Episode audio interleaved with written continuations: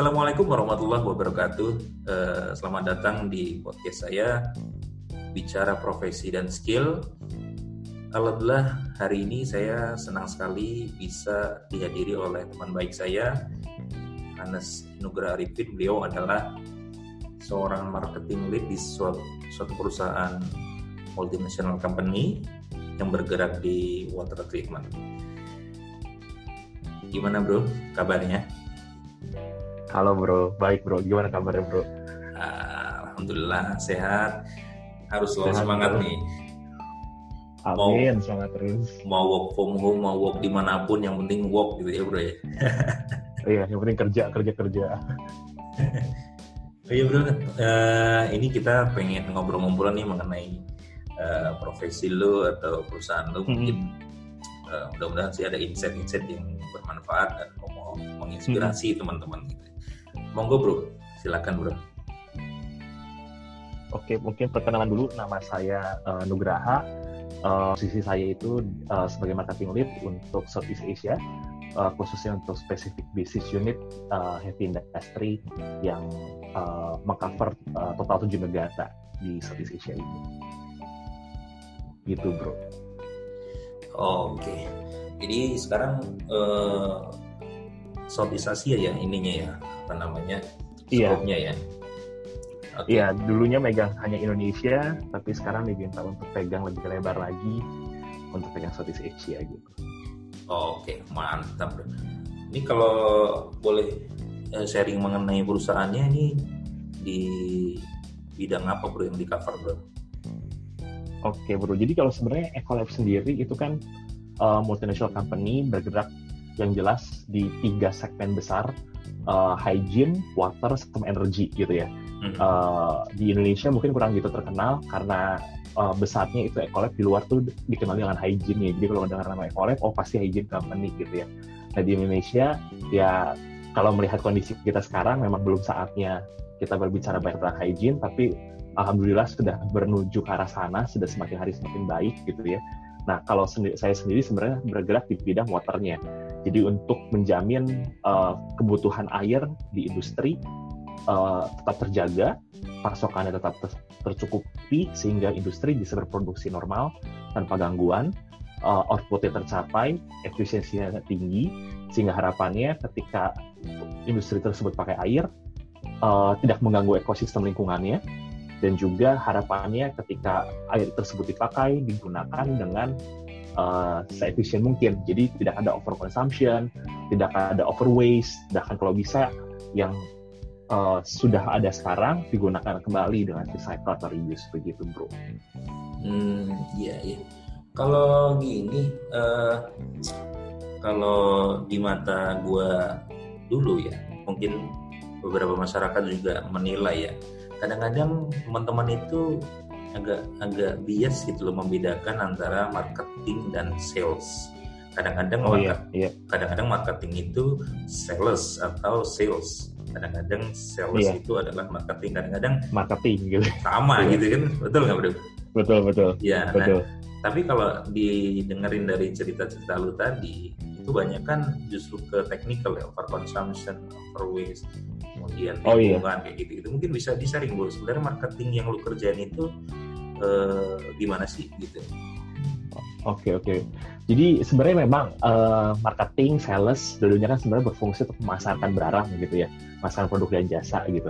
Cuma memang kalau di uh, Ecolab ini itu agak unik, marketing dan salesnya itu dua divisi yang berbeda uh, dan punya tu, uh, tanggung jawab yang masing-masing juga gitu ya. Kalau ngutip kata-kata dari bos saya, sales itu berbicaranya hari ini dan besok, kalau marketing itu biasa uh, berbicara tahun depan, dua tahun lagi, tiga tahun lagi, lima tahun lagi seperti apa gitu. Jadi kalau sales itu lebih yang day to day activities, ketemu dengan uh, customer, uh, berkontak, bersosialisasi dengan customer, mencoba men uh, menawarkan produk dan jasa yang kita tawarkan. Tapi kalau marketing itu lebih ke pembuat senjatanya untuk sales. Jadi kalau mungkin sales di lapangan itu yang berburu, kita nyiapin senjatanya, kita nyiapin pelurunya, kita yang nyiapin amunisinya, gitu ya. Jadi harapannya dengan uh, menyiapkan uh, amunisinya untuk sales tadi, ya kita bisa expand marketnya kita bisa lebih uh, penetrasi lebih dalam ke customer. Kalau misalkan ada masalah yang belum terjawab oleh produk yang atau jasa yang ada saat ini kita coba kembangkan produk dan jasa yang cocok untuk customer tersebut. Sehingga harapannya nanti demand, uh, demand tersebut needs tersebut dari customer itu bisa benar-benar terjawab gitu di akhirnya. Jadi cukup berbeda kalau sales itu ber, hanya berbicara angka jualannya tapi kalau marketing itu berbicara tentang strateginya produknya apa marketnya apa begitu. Iya jadi ini teman-teman nih uh, bisa diambil kesimpulan sementara juga ini perbedaannya jelas sekali nih jadi dari uh, target waktunya sama definisinya kemudian dari scope of work atau tugasnya itu ternyata sangat berbeda antara sales atau sales dan juga marketing gitu. Uh, kemudian ini bro, uh, apa namanya di marketing ini kan karena kebutuhannya juga ternyata lebih strategik ya. Berarti kan di situ yeah. butuh strategi berinovasi, teknologi yang mungkin up to date, yang mungkin lebih dibutuhkan customer atau juga uh, menjawab keluhan customer dan seperti itu atau teknologi yang memang dihasilkan oleh perusahaan uh, Ecolab ini sendiri. Kalau dari marketing apakah hmm. itu juga dilakukan di di oh iya. departemen marketingnya iya jadi memang um, kalau dari marketing kita memang dari awal gitu ya waktu kita pertama kali waktu saya sih contohnya pertama kali saya diminta untuk uh, pegang posisi ini yang jelas kan pertama kita harus tahu dulu market kita kayak apa gitu kan ya. Mungkin selama ini handle Indonesia terbiasa dengan market Indonesia tapi begitu pindah ke begitu uh, pegang juga negara lain marketnya totally berbeda demand yang berbeda, yang berbeda. Jadi uh, pertama kali memang harus ada adjustment dulu, kita harus mempelajari dulu marketnya seperti apa, uh, kebutuhannya seperti apa, lalu siapa saja kompetitornya, bagaimana medan perangnya, begitu ya. Dan nanti di situ kita setelah paham marketnya, kita baru coba cari sebenarnya uh, apakah produk yang sudah ada kita yang sudah kita punya saat ini cocok dengan kebutuhan mereka atau tidak gitu ya? Kalau ternyata memang ternyata kurang begitu cocok atau ya udah bisa jawab sebagian kebutuhannya tapi belum semuanya bisa terpenuhi nah di situ baru kita lanjutkan ke step berikutnya. Apakah kita memerlukan produk baru atau jasa baru yang uh, bisa menjawab demand tersebut gitu ya? Nah kalau seandainya iya ternyata ada gap yang besar dan itu tidak bisa dijawab oleh produk sekarang, ya berarti kita harus berinovasi gitu ya. Inovasinya bisa dengan cara uh, merecycle produk-produk yang sudah ada. Misalkan tadinya produk ini dipakai untuk industri uh, makanan begitu ya, tapi ternyata produk tersebut cocok digunakan untuk industri yang lainnya. Jadi kita bisa merecycle teknologi yang ada kita sekarang, diperkenalkan ke industri yang baru gitu ya. Atau kalau memang benar-benar tidak ada, ya mau nggak mau kita harus uh, ajukan ke R&D uh, dan juga para stakeholder gitu ya tentunya. Uh, ajukan ke mereka kita punya market nih misalkan sekian uh, besar gitu ya. Nah dari market sekian besar ini produk kita tidak bisa menjawab kebutuhan mereka. Jadi kalau nilai marketnya cukup besar tentunya kan uh, dari stakeholder dan juga dari R&D juga akan mempertimbangkan wah menarik nih ternyata kalau kita mengembangkan produk ke arah sini gitu ya. Jadi ya setelah uh, kita coba pelajari marketnya, kita uh, ajukan ide tersebut begitu ya ke R&D dan para stakeholder, nanti mereka akan uh, come up dengan misalkan, oh ya ini setelah hasil, research, setelah hasil uh, pengembangan, kita dapatkan produk baru yang mungkin kelihatannya cocok.